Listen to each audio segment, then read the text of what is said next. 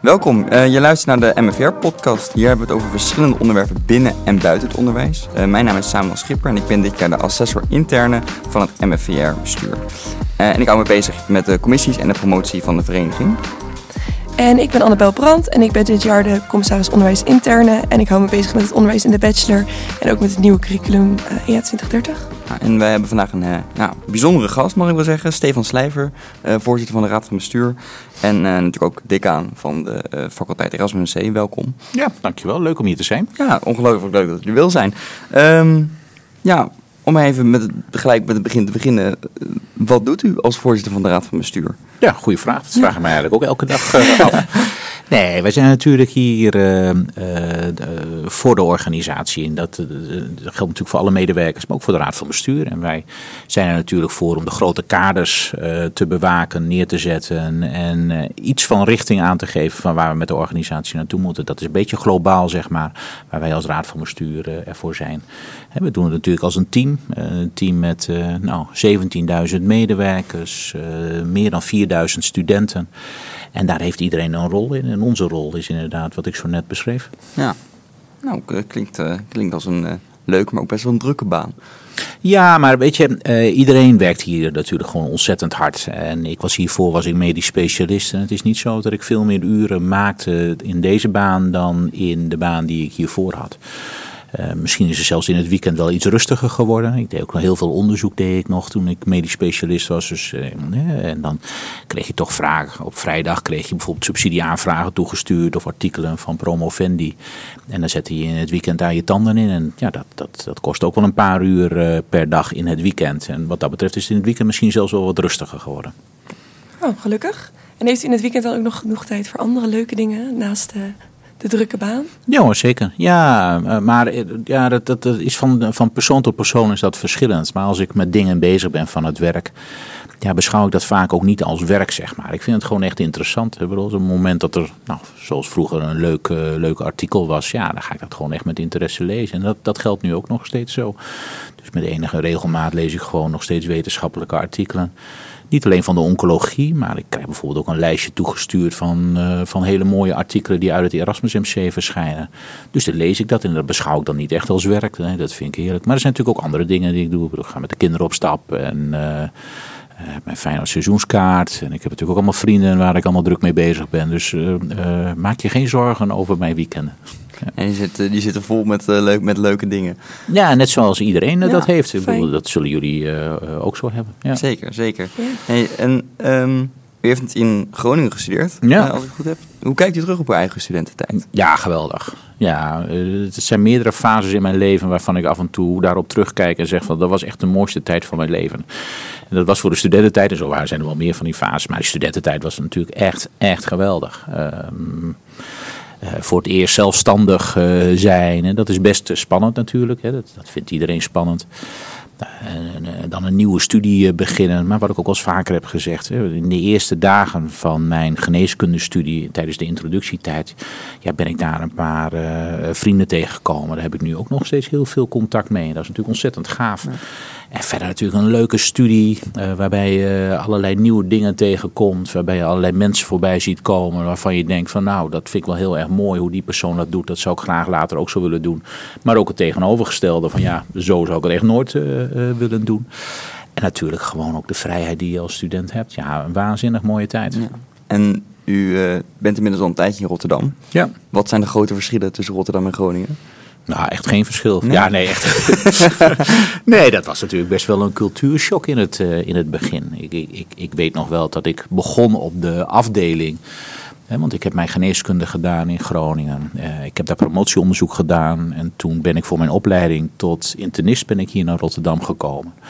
En ik kan dat, dat, dat, dat was wel een redelijk ruige tijd, zeg maar, in die tijd. En dan is Groningen wel een stuk rustiger. En als je dan inderdaad begint op de spoedeisende hulp hier in het uh, toenmalige Dijkzichtziekenhuis en je ziet wat daar, wat daar binnenkomt, ja, dat zijn dingen die je niet dagdagelijks in Groningen meemaakt, laat ik het zo zeggen. Kunnen daar natuurlijk ook meekomen, maar met name hè, de heftigheid, uh, ja, dat was natuurlijk in het begin wel even schrikken en wennen. Ja. Uh, en de ene, ja, die pakt dat natuurlijk en die kan dat wat sneller oppakken dan een ander. ik vind Rotterdam echt een geweldige stad. ik vind Groningen ook nog steeds echt mooi. Kijk, dat is altijd, uh, altijd leuk om gewoon een beetje affiniteit te houden met uh, de stad uh, waar Zeker. het begonnen is. Ik voel mezelf, ondanks het feit dat ik nu al 16 jaar een seizoenskaart heb bij Feyenoord, nog steeds meer Groningen dan Rotterdam. Dat, Geen FC Groningen? ook nog wel een beetje FC Groningen, maar ik weet bijvoorbeeld dat die vandaag tegen Telstar moeten. Dus zo goed zit ik ook nog wel in de wedstrijd wat dat betreft. maar seizoenskaart bij Groningen is een beetje ingewikkeld. ja. Als ze tegen elkaar zouden spelen, dan zou je voor Feyenoord zijn. Of niet? Ja, dat is wel. Ik, ik, ik heb dat. Uh, hè, toen, toen Groningen nog wel in de Eredivisie speelde, was het natuurlijk twee keer per jaar was die wedstrijd. En ik merkte op een gegeven moment wel een kantelpunt, zeg maar, dat ik meer voor Feyenoord begon te worden ah. dan voor, uh, dan ah, voor Groningen. Echt Rotterdammer, bijna. bijna. bijna. bijna. en uh, als voorzitter van de Raad van Bestuur heeft hij natuurlijk best wel veel, veel verantwoordelijkheid. U zijn dat even 17.000 medewerkers, 4.000 studenten. Ja. Uiteindelijk bent u daarvoor de eindverantwoordelijke. Um, dat brengt denk ik ook wel best wel veel ingewikkelde problemen met zich mee. Hoe gaat u daarmee om? Ja, even twee dingen uh, daarop. Uh, enerzijds, uh, dat is best wel een, een, vraag die je vaak hoort: van ja. drukt die eindverantwoordelijkheid niet voor je? En als je dat inderdaad ja, zo gaat, gaat bedenken, 17.000 medewerkers, dikke 4.000 studenten, die komen er ook nog, nog bij. Een omzet van, van ja, meer dan 2 miljard. Ehm, al die zorg die hier gebeurt, ja, daar ben jij dan eindverantwoordelijke voor. Dat doe ik niet alleen. Bedoel, we hebben een, een uh, hartstikke goed team uh, binnen de RVB. We hebben allerlei mensen uh, om de raad van bestuur heen zitten. We hebben hartstikke goede afdelingshoofden, directeuren, fantastische medewerkers. En we doen het gewoon echt met z'n allen.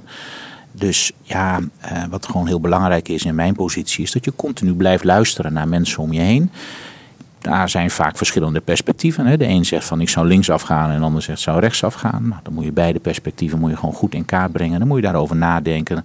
Moet er nog even spiegelen met een aantal andere mensen. En dan moet je daar inderdaad op een gegeven moment ook een besluit over nemen. Dus je hebt wel heel veel dilemma's. Je hebt natuurlijk wel echt heel veel dilemma's waarbij je zit, waarbij je denkt van maar wat zal, hoe, hoe zal ik dit, dit gaan doen? Of wat zal ik hierover besluiten? Met name als gewoon hele verstandige mensen zeggen uh, linksaf en andere hele verstandige mensen zeggen rechtsaf. Ja. ja. daar ben je uiteindelijk dan ook voor om daar een besluit over te nemen. Maar die eindverantwoordelijkheid wat dat betreft drukt dus niet zo heel erg. Ik, ik, uh, ik uh, andere RVB, ja, we worden omringd door ontzettend veel goede mensen. We doen het met z'n allen. En uh, ja, op een moment dat je uh, misschien linksaf gaat initieel, uh, omdat op dat moment dat het beste leek. En uiteindelijk blijkt toch dat rechtsaf beter was geweest, ja, dan stuur je weer bij. Dus zo doen we dat. Ja, nou, dat is eigenlijk best een, een duidelijk antwoord. Ja, ja, nou, dat is uh, fijn om te horen. Ik, ik, dacht, ik dacht, u bent een soort, uh, soort marionetspeler die, uh, die, die een beetje alles aanstuurt, maar dat is eigenlijk dus helemaal niet zo. Nee, we, we, we doen dat natuurlijk echt met z'n allen. Ja. Het, is, het, is, het is natuurlijk helemaal onmogelijk om um, alles hier um, onder controle te hebben en dat, dat, dat, dat, dat wil je ook niet. Nee. Bedoel, we hebben natuurlijk gewoon ontzettende goede mensen en die moeten daar ja, de ruimte voor krijgen om het in te vullen zoals zij denken. En zij zijn er ook het meest deskundig in om het in te vullen zoals zij denken dat het moet. Dat moet wel binnen uh, bepaalde kaders. Ja. Hè? En het is zo, en dat is natuurlijk prachtig hier, iedereen staat ontzettend voor zijn afdeling of haar afdeling. Of dat nou te maken heeft met onderzoek of patiëntenzorg of onderwijs. Ja, die willen dat het liefst natuurlijk helemaal gaan optimaliseren voor hun. Hè? Dus als je kijkt naar het onderwijs. Het onderwijscentrum is een prachtig onderwijscentrum vind ik zelf. Maar om dat nog groter en mooier te gaan maken. Met perfecte digitale ondersteuning. Ja, dat snap ik heel erg goed dat die mensen dat heel graag willen. Aan de andere kant, dat moet wel weer ergens anders van bekostigd worden. Dus alles wat je in het ene stopt, dat kan niet in het ander. Dus daar moeten we continu een goede balans in, uh, in gaan vinden. Uh, dus, dus ja, dat schuurt en wrijft met, uh, met grote regelmaat. En nogmaals, dat is ook goed, hè, want dan krijg je echt nou, de verschillende perspectieven op tafels, de verschillende scenario's met de pro en de cons daarvan. Ja, en uiteindelijk is het dan inderdaad ja, aan een raad van bestuur om daar uiteindelijk een besluit over te nemen op het moment dat mensen daar onderling niet goed over uitkomen. Nee, precies. Nee.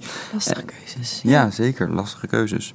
Maar wel goed dat de, de mensen die ze maken het over het algemeen goed voor elkaar hebben. Dat die beter Ja, dat hoop ik. gebeuren. Ja, dat, hoop wel. ik. En we maken natuurlijk ook wel eens keuzes, wat ik zo net zei, eh, die achteraf dan niet de meest gelukkige blijken te zijn.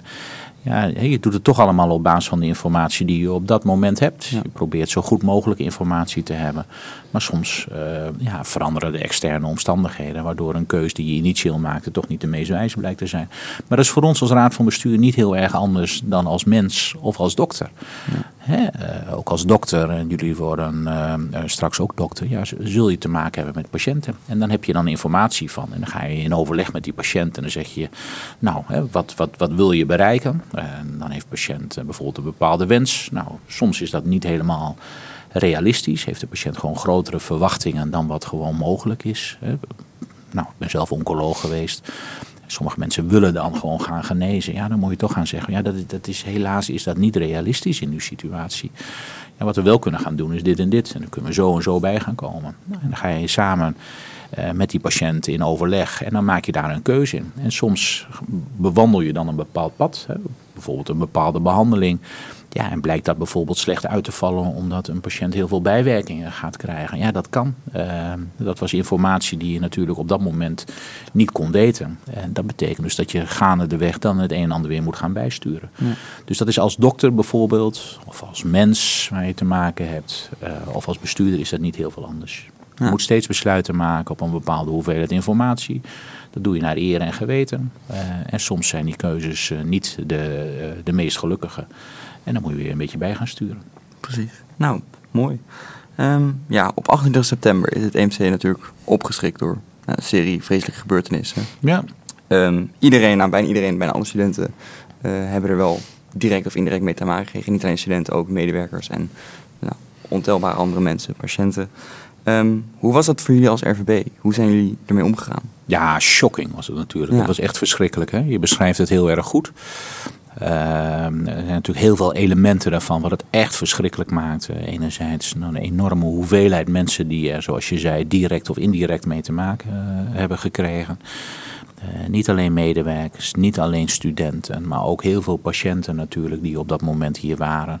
Maar überhaupt, hè, hier in Rotterdam en ook in heel Nederland, hè, dat, dat zoiets gebeurt is natuurlijk verschrikkelijk. Dat dan zoiets gebeurt ook nog in een plek waar het gewoon veilig hoort te zijn. Eh, een ziekenhuis. We, zijn een onderdeel van de samenleving. We zijn er voor de maatschappij. We staan midden in de maatschappij. Eh, en we zien natuurlijk ook heel vaak ja, wat voor verschrikkelijke dingen er gebeuren in de maatschappij. Want ja, dan heb je daar ook slachtoffers van die komen hier. Dus dat weten we allemaal. Alleen wat je natuurlijk gewoon wil zijn, juist op deze plek midden in Rotterdam. Ja, is toch een hele veilige haven voor studenten, maar ook zeer zeker voor hele kwetsbare patiënten. Eh, en ja, op het moment dat dan juist op zo'n plek zoiets verschrikkelijks gebeurt, ja, dat is, eh, dat is immens eh, natuurlijk. Dat doet heel veel met, eh, eh, met mensen. Eh, en natuurlijk ook met ons als bestuurders. Ja. Ja, ja want jullie kregen op een gegeven moment te horen dat dat ah, aan de gang was, Ja. bezig was. En hoe, wat was het eerste waar jullie mee begonnen? Wat was het eerste wat er opgezet werd? Ja, dat zijn dan gewoon de protocollen die dan gaan, Ja. gaan lopen. hè. We hebben een, een crisisbeleidsteam. Ja, en af en toe gebeuren er dingen in het ziekenhuis waarvoor dan dat crisisbeleidsteam bijeen moet gaan komen. Ehm, hè. Eh, nou, soms heb je een, een, een storing in het elektronisch patiëntendossier. Ja, dat, dat kan dan impact hebben op de patiëntenzorg. En dat is zo'n moment bijvoorbeeld dat zo'n team eh, eh, bijeen kan komen. Of andere grote incidenten in zo'n ziekenhuis. En op het moment dat zoiets gebeurt, ja, dan, dan schiet je in de actiestand. Net zoals heel veel mensen hier ook hartstikke goed in de actiestand eh, sprongen. Eh, hetzelfde als er een trauma binnenkomt op de spoedeisende hulp. Dan schiet ook iedereen daar in de, in de actiestand. Ja, dat doe je natuurlijk als, als bestuurder doe je dat op dat moment ook. Dus dan eh, ga je zo'n crisisbeleidsteam formeren. Ja, dat zijn allemaal vaste protocollen die dan gaan lopen bij ons. Ja, ja, precies. En wat is dan uw rol of de rol van de RVB in die protocollen? Want ik denk dat er veel mensen zijn in, in dat protocol wat, die misschien heel goed weten hoe bepaalde aspecten werken. En Ja. is dan uw rol om dat aan elkaar te verbinden? Ja, ja. Hè, maar als raad van bestuur ehm, hè, is het toch steeds om kaders aan te geven, het overzicht te bewaren en dan ook uiteindelijk besluiten te gaan nemen. Dus het is altijd een lid van de raad van bestuur die ook voorzitter is van zo'n crisisbeleidsteam. Ja, en wat je daar doet is eigenlijk hetzelfde ja, ook wat je een beetje in de patiëntenzorg doet. Van, hé, hey, wat, wat, wat, wat is er aan de hand? Hè? Dus je probeert eigenlijk zoveel mogelijk informatie probeer je te vergaren. dat is één. dat doe je in de patiëntenzorg ook dan ga je proberen een diagnose te stellen. van wat is er nou eigenlijk dus aan de hand? dus op basis van al die informatie, wat is er aan de hand? Ja, en dan gaan kijken van ja, uh, wat willen we bereiken en hoe gaan we dat bereiken? Uh, en daar dan gewoon acties op, uit, uh, op uitzetten. Ja. Dus ja, wat dat betreft is eigenlijk, en, en, dat is ook wel het, het, het, bijzondere natuurlijk van het artsenvak. Je leert daar, jullie ook leren op een bepaalde manier werken. En die manier eh, van werken die je als dokter hebt, die kun je op heel veel manieren in het leven toepassen. Onder andere dus ook bij zo'n crisisbeleidsteam. Wat is de informatie die je hebt? Wat is de meest waarschijnlijke diagnose die er is? Zijn er nog eventueel andere diagnoses, een differentiaaldiagnose? Nou, wat is de doelstelling? Wat willen we dan gaan bereiken gegeven deze diagnose? Wat zijn de verschillende manieren om daar te gaan komen met de pro en cons? We gaan die manier doen en uitvoeren en dan steeds gaan monitoren of dat de manier is die het, eh, die het zou moeten zijn. Ja, zo moet je in je praktijk moet je ook gaan werken en zo werk je dus tijdens zo'n crisis in grote lijnen dus ook. Ah, ja. Nou, best wel veel overlap dus tussen de arts en het RVB zijn en dan zeker bij zo'n crisis. Dat komt allemaal samen dan. Ja, ik, ik, ik had eh, niet gedacht toen ik een jongetje was van twee jaar dat ik ooit voorzitter en decaan zou gaan worden van zo'n uh, van zo'n UMC. Uh, ik kan je wel vertellen dat dat een geneeskundeopleiding wat dat betreft wel een hele mooie brede opleiding is. Ja, waar je op heel veel plekken in de maatschappij terecht kan komen. En je leert een bepaalde manier van denken. Ehm, ja, die gewoon uitermate instrumenteel is in heel veel verschillende omstandigheden in de, uh, in de maatschappij, niet alleen in de gezondheidszorg. Ja, precies. Ja. We zijn ook nu inmiddels... Wat een mooie studie hebben jullie toch? Ja, ja, ja. vooral, vooral hier. nog heel blij mee. En dan vooral hier. ja. Ook nog als topopleiding. Ja, ehm, ja dat hoorde ik inderdaad. Ja. ja, hartstikke goed. Er zijn Heel goed, fijn. zijn er twee zeg maar, binnen de Erasmus Universiteit. En dat is de eh, bachelor geneeskunde en dat is uh, de klinische tech. Dus daar mogen we ontzettend trots op zijn. Wow, ja. Allebei als enige twee. En allebei weer. Erasmus MC, klinische tech natuurlijk ook samen met uh, TU Delft met Leiden. Ja. Hartstikke goed, ja, fijn. Ja, en dan om, misschien om het af te sluiten, zijn twee maanden verder uh, na het incident. Hoe is het nu voor jullie om die herstel, dat herstel eigenlijk mee te maken? Ook? Ja, wat ik toen gezegd uh, heb, daar, daar, komt, uh, daar wordt met enige regelmaat ook weer naar gerefereerd. Ja, er is wel een litteken natuurlijk wat ons niet meer zal verlaten. Ehm, hè, wat, wat, we zo straks al over hadden, dat het gebeurt. Maar zoveel medewerkers, patiënten, studenten, mensen in de maatschappij direct of indirect mee te maken hebben gekregen ook de plek waar het gebeurt, maar met name dan dat je een geliefde collega zoals eh, Jurgen dat was. Ja, dat hij hier niet meer is, ja, dat doet natuurlijk heel erg veel. En dat is, dat is echt een litteken wat ons niet meer zal, eh, zal eh, verlaten. Ja, iets anders wat ook wel gezegd is, uh, hartverscheurend, maar ook hartverwarmend. Hè, hoe we dat nou, met z'n allen hebben gedaan. Ook jullie als studenten en ja, ook jullie als MFVR-bestuur daar een ontzettende mooie rol in hebben gedaan.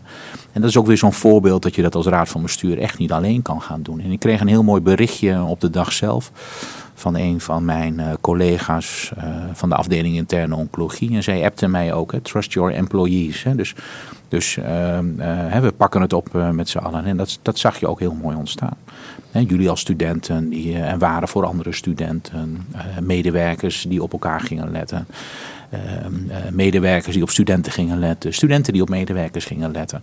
Ja, en dan is het natuurlijk dat, dat hartverwarmend dan, ondanks alle ellende en het hartverscheurende, om dat te zien wat voor veerkracht en daadkracht dan deze organisatie weer heeft. Dus, dat, dat, dus dat, dat, dat maak je dan ook wel weer trots, ondanks alle ellende, hoe we daar met z'n allen ja, doorheen zijn gekomen. Ja, zeker. Ja. Nou, um, om dan uh, dit deel uh, even een beetje af te sluiten. Komt er nog een ander deel? Er komt nog een ander deel. Ja, er komen, er komen, nu, nu, komt, nu komt het leukste deel, oh, moet ik eerlijk zeggen. Nee, want er zijn natuurlijk heel veel mensen binnen het EMC die een beetje op de achtergrond staan. Uh, niet alleen binnen het EMC, maar ook binnen het onderwijs, bij de afdelingen. Overal zijn heel veel mensen die nou, de patiënten en de mensen op de voorgrond niet echt te zien krijgen. Nee. Terwijl die mensen vaak wel heel belangrijk zijn voor het functioneren van zo'n gigantische ja. organisatie. Ja. Is er iemand waarvan u denkt, ach, die zou ik even in het zonnetje willen zetten. Die misschien niet overal altijd op de voorgrond staat. Ja, ik vind dat een wat, wat ingewikkelde vraag altijd. Hè? Want, want wat, je, wat je zegt, we, we doen het met z'n allen. En sommige mensen staan gewoon wat meer op de voorgrond dan anderen. Als raad van bestuur, en dat hoort dan bij jouw rol, sta je wat meer op de voorgrond. Als jij een toponderzoeker bent, uh, of je bent Uh, nou, laat ik eens een volledig willekeurig iemand zeggen waarvan niemand herkent wie ik nu bedoel. Maar je bent bijvoorbeeld afdelingshoofd van de IC hier en je komt vaak op televisie, inclusief in het Sinterklaasjournaal. en de naam begint met een D en eindigt op Iederik Gommers. nou, hè, dat zijn natuurlijk mensen die meer zichtbaar zijn. Maar dat is een onderdeel van de rol die je dan hebt. En je kunt dat niet doen zonder al die andere mensen die er zijn. Het is net als met een voetbalteam. Ehm, ja, een spits wordt vaker geïnterviewd, is vaker zichtbaar. Maar ook als je kijkt naar een club als Feyenoord, ja, er werken een paar honderd mensen. En zonder die honderden mensen zou die spits niet kunnen functioneren. En dat geldt voor de mensen die zichtbaar zijn in deze organisatie geldt dat ook. Dus je doet gewoon eigenlijk alle mensen en alle studenten doe je tekort op het moment dat je één iemand daaruit zou, zou moeten gaan pikken. Wat ik wel uh, uh, ontzettend leuk vind aan deze functie is dat je heel veel dat huis in komt. En ik kwam vroeger al heel veel dat huis in. En dan kom je gewoon echt ontzettende betrokken mensen tegen binnen de postkamer bijvoorbeeld. Of zoals ik afgelopen week was eh, bij de snijzaal. Uh, en daar lopen mensen uh, rond. Die zijn ontzettend trots op hun werk. En terecht ook. Want ze doen daar hele mooie en gave dingen doen ze daar. Voor het onderwijs. En laten dat uh, vol trots zien. Ja, dat vind ik dan ook ontzettend gaaf om dat te zien. Nou, dus dat is maar één voorbeeldje. Mm -hmm. En zo kom je gewoon dagelijks kom je hele bevlogen mensen ja. bezig die uh, ja, bezig zijn met een onderdeel wat essentieel is om dit hele Erasmus MC te laten functioneren. Ja, nou, Mooi. Want uh, iedereen is belangrijk. Ja, maar ja. dat meen ik ook echt. Nee, ja. nee, dat meen ik ook echt. Ja. Ja. En u noemde net even het Sinterklaasjournaal. Is dat ook nog een doel van uzelf om uh, op het Sinterklaasjournaal te om daar een, uh, een Nou, ik had de eer in ieder geval vorige week om Sinterklaas te mogen ontvangen. Ah. Oh, Sofia. Dus dat was al echt heel erg nou, prestigieus. Uh, ik denk dat ik het daarbij laat. Ja. Dat vond ik eigenlijk wel mooi genoeg. Ik moest ook nog de staf van Sinterklaas die ergens vast zat, uh, moest ik ook nog op een stoel klimmen om die staf uh, oh, nee. los te maken. Dus ja, nee, het was, het was, het was, het was weer mooi. dat is voor nu even genoeg. En, um, en we vragen ook altijd nog om een onderwijsheidje aan onze gast. Dat is een, ja, een tip, een wijsheidje voor de studenten hier. Wat zou je de studenten van het EMC als decaan of als voorzitter van de raad van bestuur of als arts of als mens willen meegeven? Nou, dit is voor alle vier de functies. Ja. Uh, is, dat, uh, is dat één ding. Ja, geniet gewoon uh, van je studie. Ik, ik snap best dat het ingewikkeld is. Het geeft stress af en toe met examendruk of sorry, sociale druk. Dat snap ik allemaal. Maar realiseer je gewoon hoe, hoe gaaf het is. Hè? Dat, dat, nou, dat je, dat je uh, kunt studeren, dat je mag studeren. En dan ook nog zo'n prachtige studie als geneeskunde. Waar heel veel interessante elementen in zitten. Nee, geneeskunde is gewoon een hele mooie, brede opleiding. Waar je alle kanten mee op uh, kunt. Ja, daar, daar, moet je ten volle van, uh, van genieten. En ik snap dat het soms echt moeilijk is. maar ja, geniet ervan. Nou, genieten. Dat is een Lijkt me een hele mooie afsluiter. Dan wil ik u enorm bedanken dat u bij ons te gast wilde zijn uh, bij de MVR-podcast. En uh, ja. En dan willen we de rest uh, bedanken voor het luisteren. En hopelijk tot de volgende keer. Yes. Oké. Okay. Heel erg bedankt. Nou, ja. superleuk. Ja.